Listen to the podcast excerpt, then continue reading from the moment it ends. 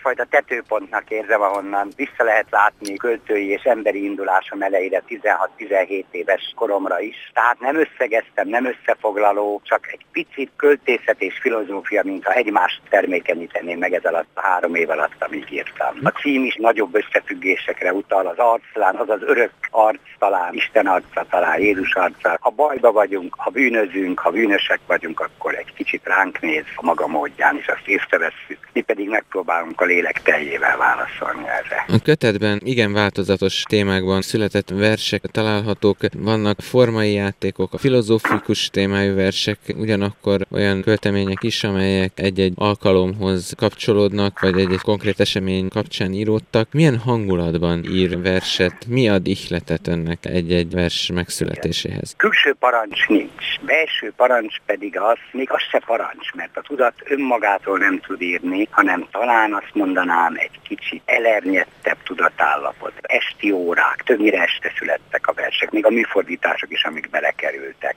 vagy egy-egy utazás alkalmával hazafelé jövet. Ez lehet akár a vereckei hágó, hát akkor természetesen egy kicsit az együtt élő népeknek a sorsa jut az ember eszébe. Vagy lehet egy szigettengerti motorcsónakázása Horvát tengerparton, és akkor persze, hogy nem a táj jut eszembe, hanem az emberszigetek, az embersorsok, hogy, hogy mi mindnyáján csak valahol rejtélyes módon, ha meglátogatjuk egymást egy kicsit, ha egymásra figyelünk, akkor tudunk fontosak lenni, de különben nagyon távol vagyunk, és a világ, a média, még a számítógép sem hozhat annyira közel, hogy meg is ismerjük egymást. Hát ilyen módon érzik talán, és hallgatók is érzik, hogy a legalanyibb módon, de a legmélyebb lelki rezdülésekre szoktam verset írni, általában a tudattalamból merítve fel a témáimat.